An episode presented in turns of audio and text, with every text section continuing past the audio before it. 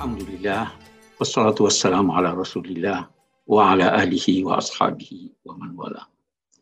Bapak-bapak, ibu-ibu, saudara-saudara sekalian, Assalamualaikum warahmatullahi wabarakatuh.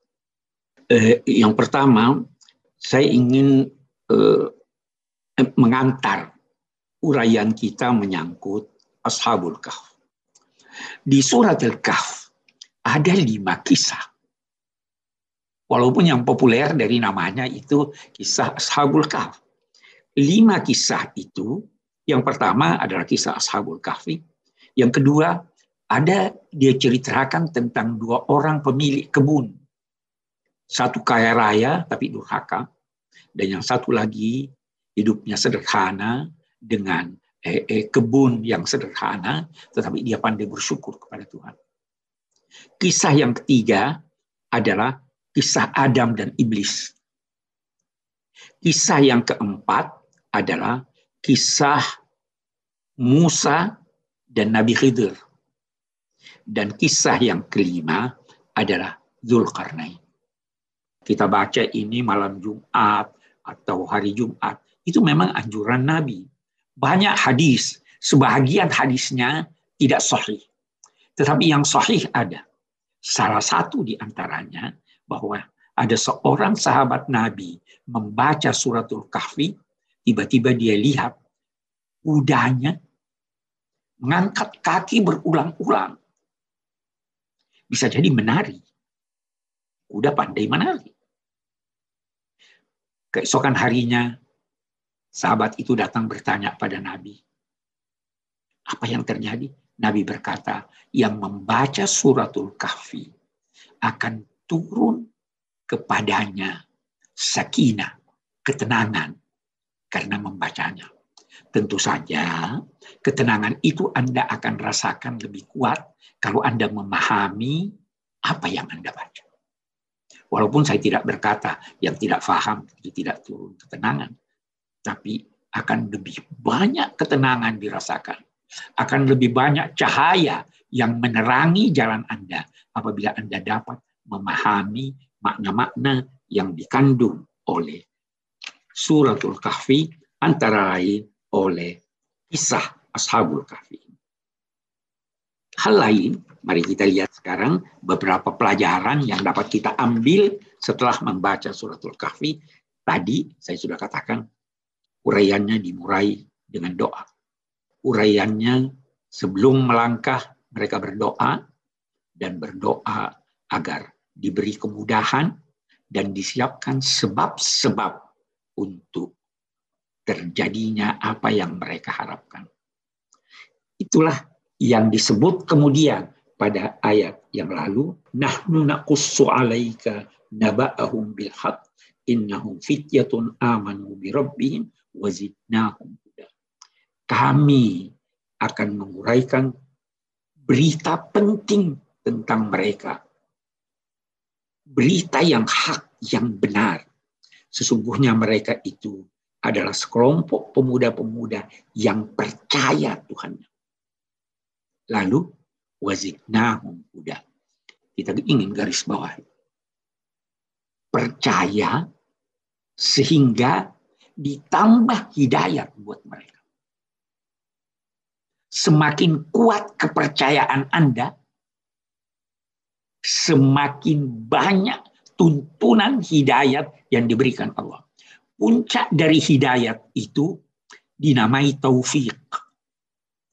Taufik itu adalah persesuaian kehendak Anda dengan kehendak Tuhan. Anda diberi potensi yang melebihi potensi manusia biasa. Sehingga Anda dapat melakukan kegiatan-kegiatan Anda berkat anugerah Tuhan disebabkan oleh kemantapan keimanan Anda. Itu yang kita baca di sini. Innahum fityatun amanu bi rabbihim wazidnahum huda. Warabatna ala qulubihim. Kami kuatkan hatinya. Anda bisa bayangkan, pada masa hidup mereka itu di pentas bumi, ada penguasa yang sangat kejam tetapi kendati dia kejam, sebelum pergi ke gua, mereka menyatakan kepercayaan mereka. Idqamu faqalu Rabbuna Rabbus samawati wal ard lan nad'a min dunihi ilahan laqad qulna idzan syatata. Tuhan kami, Tuhan yang Maha Esa. Percayalah bahwa dia Maha Esa. Esa dalam zatnya, Esa dalam perbuatannya, Esa dalam sifat-sifatnya. Dia yang memelihara. Kami percaya itu. Karena kepercayaan ini kami kukuhkan hatinya. Jadi eh, saya ingin katakan faktor percaya itu dalam hidup sangat penting. Orang berkata ada yang dinamai power of belief. Kepercayaan itu luar biasa.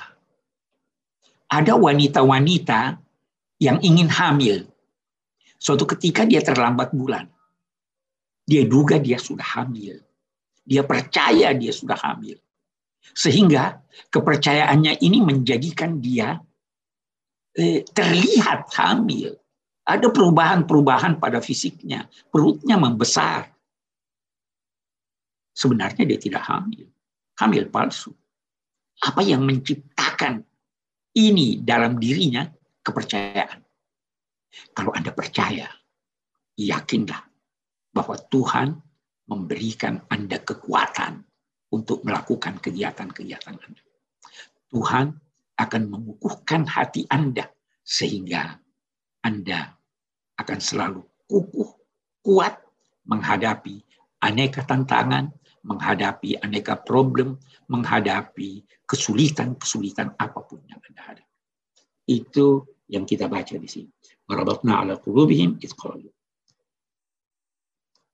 Uh, mari kita lihat pelajaran yang lain. Uh, di ayat Al-Kahfi ini Allah menceritakan bahwa uh, ada orang-orang yang berkata jumlah mereka itu tiga dan yang keempat adalah anjing mereka. Ada lagi yang berkata lima dan yang keenamnya adalah anjing mereka. Tetapi di situ dinyatakannya sesudah itu rajman bil itu perkiraan, itu uh, uh, uh, nebak-nebak. Mari kita lihat ketelitian bahasa Al-Quran yang merupakan salah satu mukjizatnya. Ketika dia berkata tiga dan keempat anjingnya, empat dan kelima anjingnya kata yang lain, dinyatakannya itu tebak-tebak. Ya berarti itu salah.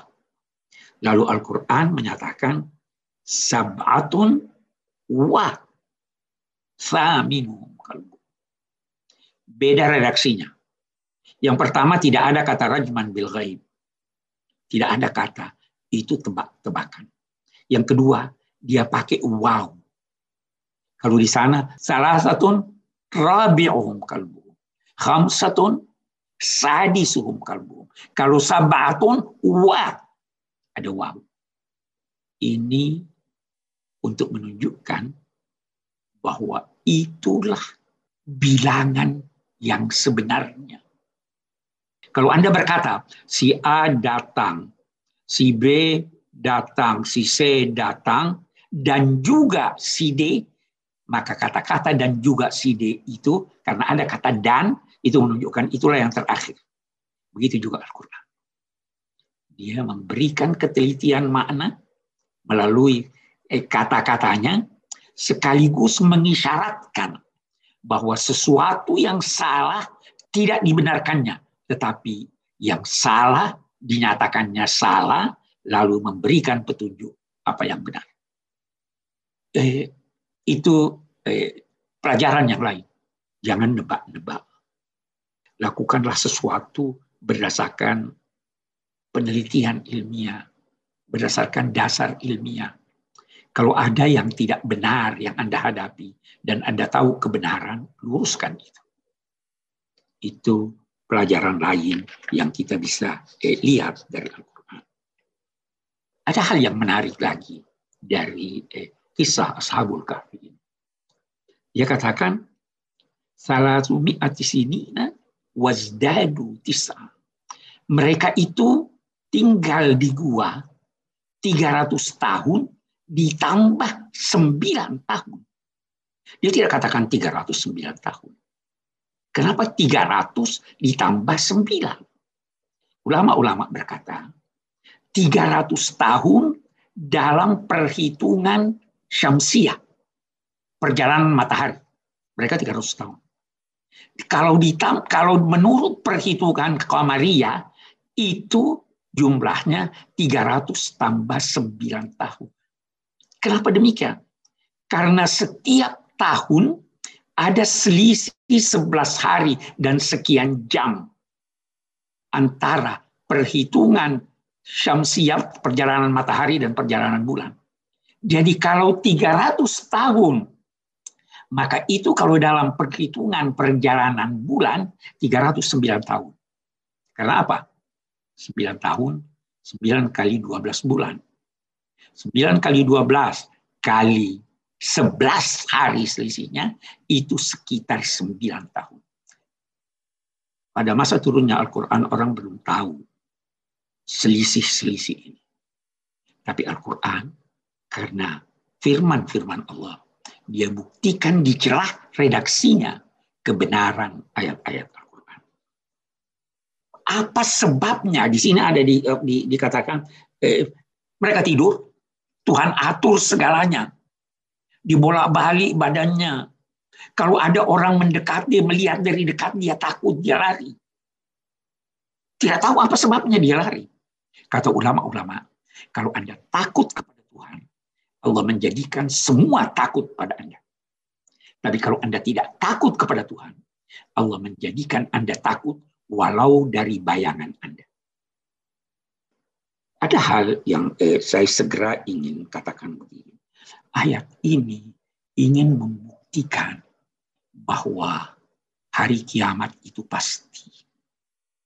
Jangan pernah menduga bahwa kalau seseorang itu mati tidak akan dibangkitkan lagi oleh Tuhan. Tidak. Kematian itu sama dengan tidur. Ada orang berkata, mengantuk itu enak. Lebih enak dari mengantuk tidur. Dan lebih enak dari tidur mati. Boleh jadi betul. Al-Quran juga menyatakan bahwa Allah yang mewafatkan jiwa pada saat dia mati dan juga pada saat dia tidur. Pada saat dia tidur genggam nyawanya, kalau dia masih diberi kesempatan hidup dikembalikan nyawanya. Jadi mati itu sama dengan tidur. Kalau Allah bisa mematikan, menidurkan ashabul kahfi itu, lalu menghidupkannya kembali, maka jangan ragu bahwa setelah tidur yang panjang, yakni kematian, pasti ada kebangkitan. Ini inti yang ingin dijelaskan oleh Al-Quran. Eh, tadi saya katakan bahwa ketika Nabi Shallallahu Alaihi Wasallam ditanya tentang tiga hal itu, beliau menjawab, besok saya jawab. Tapi 15 hari baru turun jawaban. Mengapa demikian? Allah menegur beliau. Taqulanna li syai'in inni fa'ilun dzalika ghada illa ayyasha Allah. Jangan sekali-kali kamu berkata besok saya akan lakukan ini kecuali dengan berkata juga insya Allah. Nabi tidak mengucapkan insya Allah. Allah mengajar beliau. Allah menegur beliau. Tapi indahnya teguran Allah kepada Nabi teguran itu tidak disampaikan pertama kali. Diberi jawabannya, diberi hiburan dan sebagainya, baru setelah itu baru ditegur dengan halus. Begitulah akhlak. Jangan begitu ada orang salah antar lantas marahi dia. Tidak. Jangan sekali-kali kamu berucap bahwa saya akan mengerjakan itu kecuali dengan berkata kalau diizinkan Ada orang yang eh, berkata begini, saya pernah dengar itu, ya, eh, kita janji besok ya, Terus dijawab, insya Allah. Ah, nggak usah bilang insya Allah. Besok pastikan aja. Tidak. Allah pun, Allah yang maha kuasa itu berkata insya Allah. La masjid al-haram. Insya Allah. Kamu pasti akan masuk ke Masjidil Haram. Insya Allah. Kematian itu pasti. Tetapi Rasul Shallallahu Alaihi Wasallam ketika berziarah ke kuburan orang-orang mati, beliau berkata, Inna insya Allah bikum lahkun. Kami insya Allah akan nyusul kamu. Sudah pasti mati. Tapi kenapa insya Allah? Karena kita ingin selalu mengaitkan kegiatan kita dengan Allah kehendak Allah itu ada dua macam. Ada kehendaknya yang tidak bisa diubah. Dia berkehendak si A mati tanggal sekian, jam sekian dan sebagainya. Anda tidak bisa ubah. Idza jaa ajaluhum la yastakhiruna sa'atan wa la Itu kehendak yang tidak bisa diubah. Tapi ada kehendaknya yang dikaitkan dengan manusia. Dikaitkan dengan usaha manusia. Contoh yang paling jelas. Allah sebenarnya menghendaki semua orang ini beriman. Semua orang dikehendakinya taat kepadanya.